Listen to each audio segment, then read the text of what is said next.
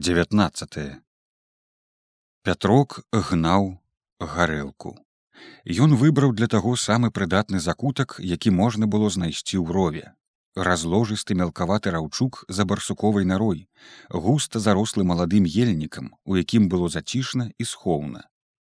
На невялічкай прагаліне між ялін уладкаваў няхітрае самагоннае начынне. Казан з брагай, дзежку, налітую сцюдзёнай з ручая вадой. Доўга корпаўся покуль прыладзіў да месца медны змеявік трубку і ўрэшце расклаў цяпельца. А дашчадна падпаленай адною запалкай бяросты лёгка загарэлася сухая растопка, а з ёй і бярозавыя паленцы, бярэмак якіх ён не паленаваўся прынесці з хутара. Куслівыя языкі полымя пачалі порстка лізаць стары закапцелы казан. Ад сухіх дроў дыму было няшмат, і пятрок упершыню за ранак задаволена паглядзеў у гору у хмарнае ветраное неба над хваёвым вяршаллем. Думаючы што здалёку яго не павінен хто-небудзь заўважыць хіба налезе знянацку. Дровы хутка разгараліся. Пятрок стоячы на каленях перад казаном рупна пасоваў галавешкі каб больш гарэла знізу Ён і сам грэўся, бо хоць і было зацішна, аднак ад зямлі паднімалася лесавая сырасць, ад якой стылі плечы і руки. Ля агню ж было добра. Зноў жа трэба было сачыць, каб у час збавіць агонь, інакш прыгарыць брага і спляжыць увесь выган. Пятрок, канешне, не першы раз у жыцці браўся за такое дело, меў ужо нейкі вопыт. Але вопыт гэты прыпадаў на даўнія ўжо да калгасныя гады. Апошнім жа часам перад вайной самагон гналі рэдка. Хіба з нейкай пільнай нагоды, бо не было з чаго гнаць, ды і піць не дужа было ахвотнікаў. Але мусіць казан грэўся марудна на вогнішчы ў рове. Не тое, што ў васеце або і стопцы, дзе ведама ж было зручней, але там хіба цяпер выганіш. Каторы ўжо раз за апошнія тыдні Пятрок пабедаваў ад думкі, што ў такім няздатным месцы паставілі некалі хутар так блізка ад дарогі. У мірны час дык яно можа і нічога, можа і прывабней нават паблізу ад гасцінца, ад вёскі і мястэчка.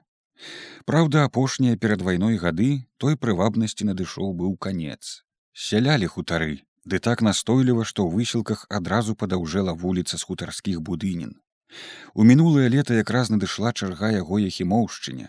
Ужо разабралі і звезлі гумно.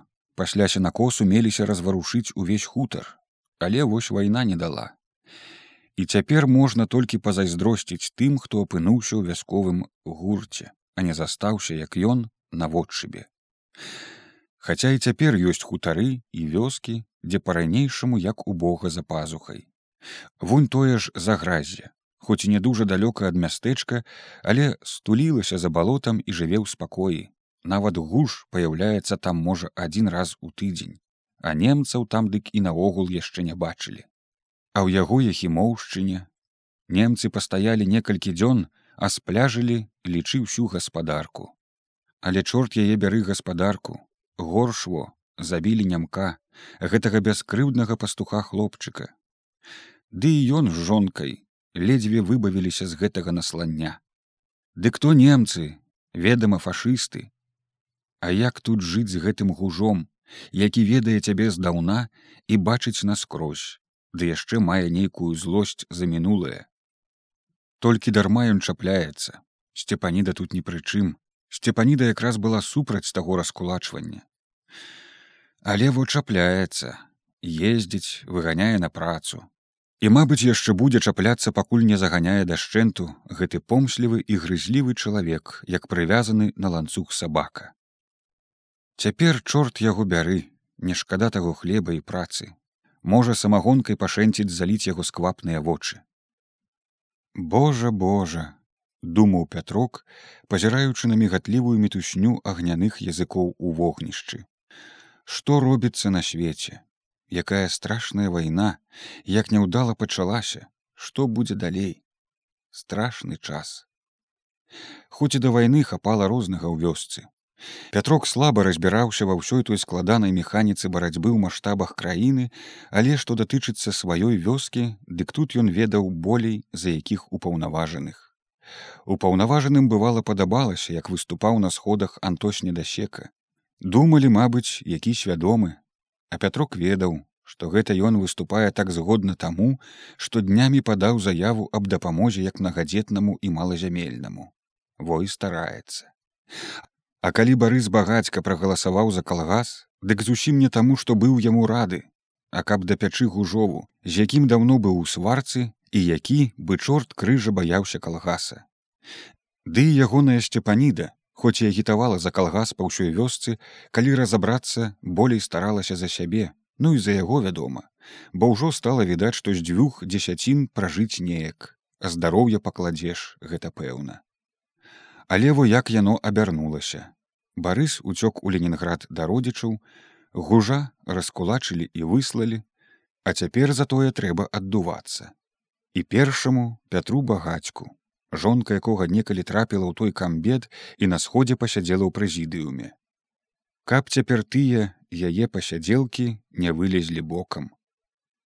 Пятрок далей пад казан падсунуў дзве галавешкі і падклаў збоч бярозавае паленца, падумаў што мабыць ужо хутка закапае. Медная літровая конаўка даўно ўжо чакала пад кончыкам змеевіка. Але там было яшчэ суха. Яшчэ няводная кропля не выцекла з трубкі. Пятрок зноў зірнуў у гору. У ельніку на ўзроўку мітусліва трывожна круцілася сарока. Нешта настойліва сакатала. І пятрок падумаў. Ці не крадзецца хто да яго зрова А можа сарока сакоча на яго самога. Усё ж для пэўнасці, каб заспакоіць сябе, ён устаў і ўгледзеўся праз хмызняк. Быццам паблізу нічога не было відаць. Але сарока не аціхала, падлятала то бліжэй, то абыходзіла гушчар стараной і ўсё настойлівей трашчала няўрымслівую сваю трывогу. Тады ён, прыгнуўшыся, прадраўся праз ельнік і ўбачыў ля ручая ручку, сабачку пастушка янкі. Мабыць, асірацеўшы без гаспадара, сабака круціўся па полі і забрыў на вогнішча. Можа, згаладнеў і цяпер убачыўшы пятрака, жвава заматляў хвастом, не зводзячы радасна ажывелага позірку з чалавека. Ну што, чаго сядзіш, ідзі сюды. Сцішана паклікаў ён ручку. І сабачка сапраўды ахвотна прашмыгнуў пад елачкамі да вогнішча. Аднак блізка не падыходзіў, сеў зводдаль і папераменна пазіраючы то на гаспадара, то на вогнішча, чагосьці чакаў. Што есці хочаш? Дык няма нічога. Выпіць будзе, а паесці няма. Як да чалавека з роўнаю добрасцю гаварыў да яго пятрок. Шкада ў кішэнях у яго не было нічога, што можна было б з'есці. Аднак прыбіўшыся да чалавека, ручка, здаецца, гатовы быў тым задаволіцца. Мусіць, ён набыўся ўжо ў адзіноце і цяпер ля вогнішча пры чалавеку адчуў сябе ў спакоі, лёг і паклаў галаву на лапы, стомлена пазіраючы на агонь. Але во здаецца, набліжаўся той самы прыемны момант, калі першыя кроплі з трубачкі, урачыста бумкнуўшы ў дне, упалі ў медную конаўку. Пятрок зараз жа выграб з-пад казана недагрэтыя галавешкі. Цяпер будзе даволі вуголля ды слабага агню, полымя ўжо не трэба. Тым часам кроплі з трубкі пасыпаліся часцей, нават быццам зацурчала тоненькім, як нітачка струменьчыкам. Сярод дымнага смуроду у раўку прыемна запахла спіртным. Тут трэба было асабліва ашчадна абыходзіцца з агнём, трымаць жар у адной меры, каб не астыў казан, але і каб не перагрэўся, не падгарэла гушча, што і казаць умельства трэба было не меней чым пры ігры на скрыпцы. Пятрок аж захваляваўся і то прысоўваў галавешкі бліжэй да казана то адсоўваў іх далей. Ад дыму ў яго слязіліся вочы і ён выціраў іх скарэлымі пальцамі і ўсё зазіраў у конаўку. А ці многа? Урэшце там набралася да палавіны. Ён узяў конаўку і ашчадна пераліў чысцюткую як сляза гарэлку ў старую ад ліманаду бутэльку То быў пяршак, самая моцная награду спорцыя з усёй выганкі. Яму стала шкада аддаваць яе ў ненажэрнае горла гужа. Можа б сам калі выпіў пры якой нагодзе, ці ашчадзіў для добрага чалавека. Так трохі разважыўшы, Пятрук закаркаваў скамечанай паперынай бутэльку і адышоўся да шыпшынавага кустана ў скрайку прагаліны. Там ён выграб у зямлі добрую ямку і, уладкаваўшы туды бутэльку, старанна загарнуў яе прэлым лісцем. Хай ляжыць на час лепшы. Рудзька не адрываў позірку ад яго корпання ля самагоннага начыння і ўмольна цікаўнымі вачмі суправаджаў кожны яго рух з конаўкаю. Цярпліва чакаў, мабыць, што гаспадар урэшце чымсь пачастуе яго. Але пачаставаць яго ў петрака не было чым. Ён і сам выгаладаўся, пакуль праганяў казан брагі. Выйшла яшчэ тры бутэлькі. Далей ужо сачылася рудая юшка. На сподзе, мабыць, засталася адна гушча. Трэба было канчаць. І Пятрок выграб з-пад казана ўвесь жар, затаптаў яго апоркамі ў доле. Казан адвалок з прагаліны ўсё ў той жа шыпшынавы куст, дзе старанна закапаў лісцем і зверху кінуў яшчэ некалькі хваёвых лапак. Змяявік, як самую каштоўную дэталь трэба было ўзяць з сабой, таксама як і дзяжу, Тры бутэлькі з яшчэ цеплаватым самагонам парасоўваў па кішэнях і за пазухай.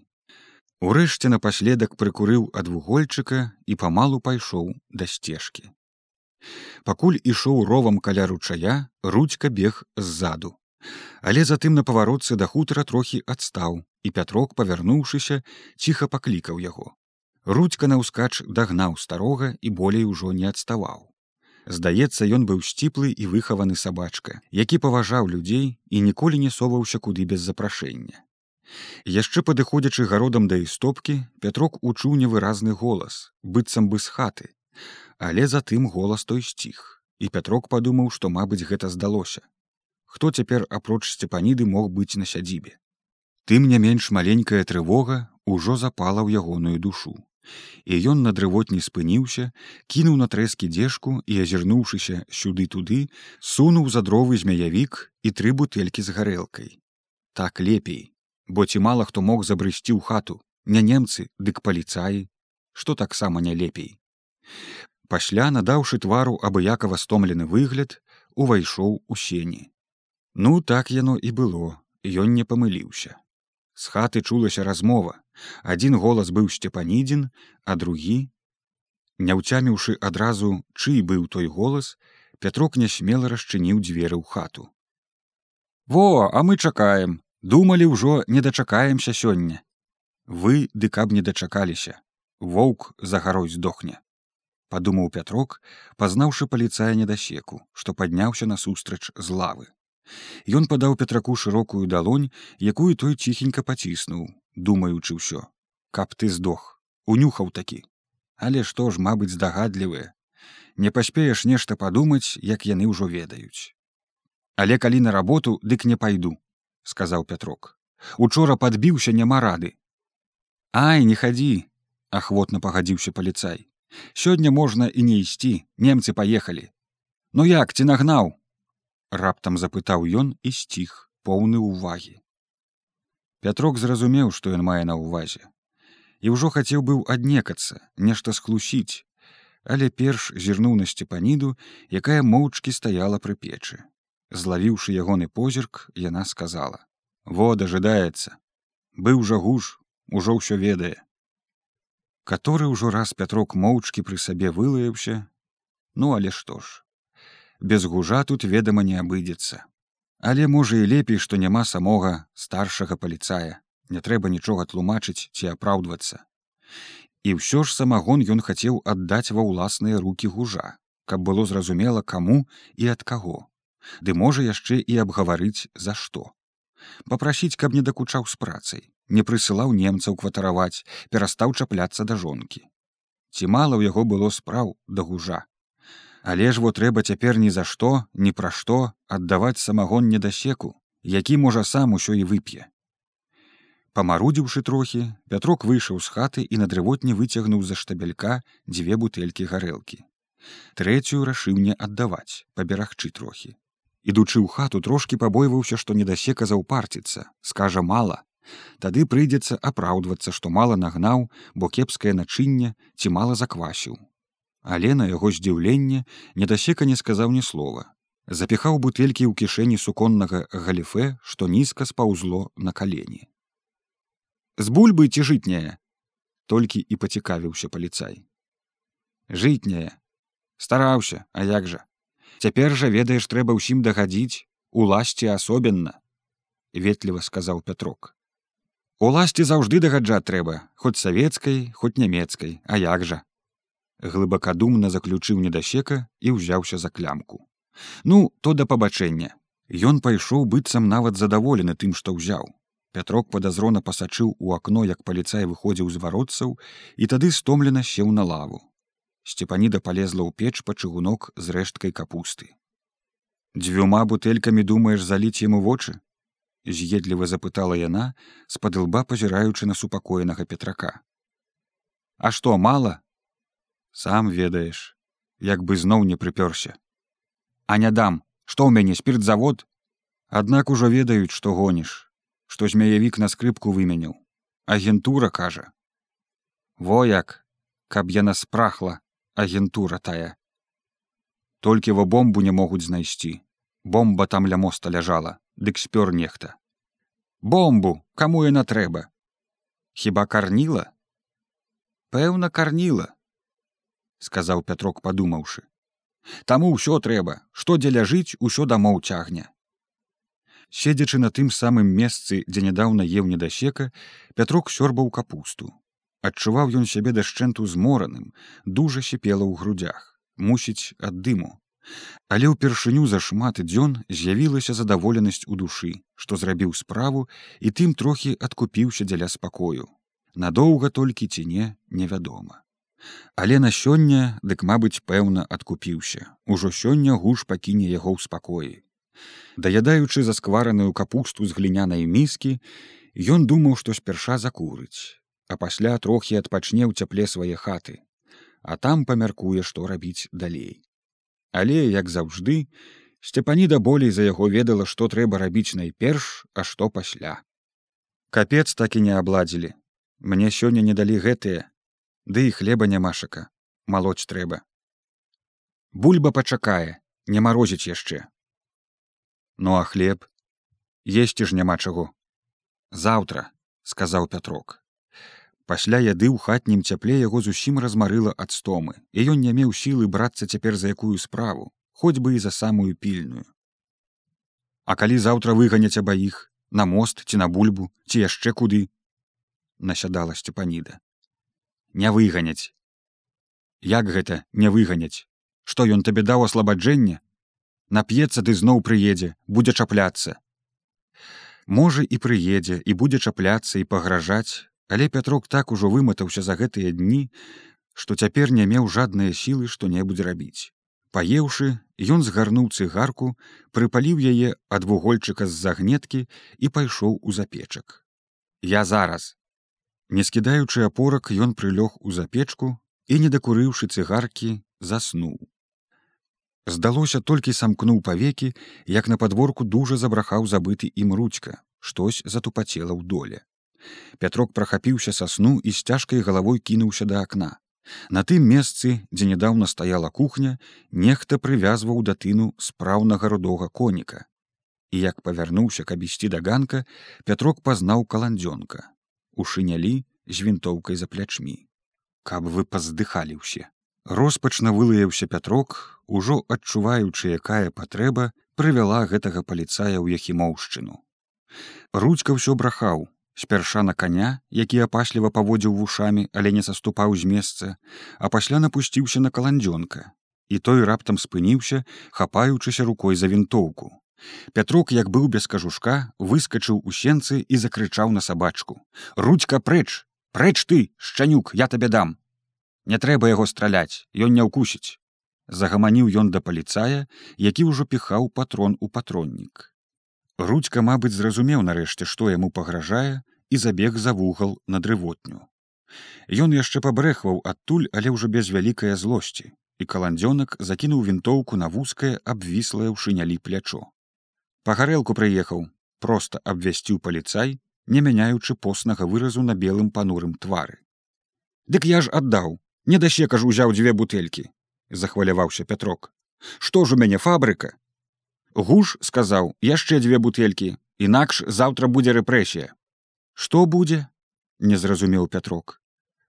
Рэпрэсія? Ну гэта будзем цябе вешаць. Ці можа страляць усумніўся каландзёнак. Не вешаць здаецца Ага, успомніў вешаць рэпрэсія значыць ото дзівосы развёў руками пятрок дык дзе ж я возьму? Я ж аддаў недасека тады бяры шапку. Зачым? Пойдзеш у мястэчка. Гуш сказаў не дасць гарэлкі самога закаршэнь і сюды на рэпрэсію гэтак?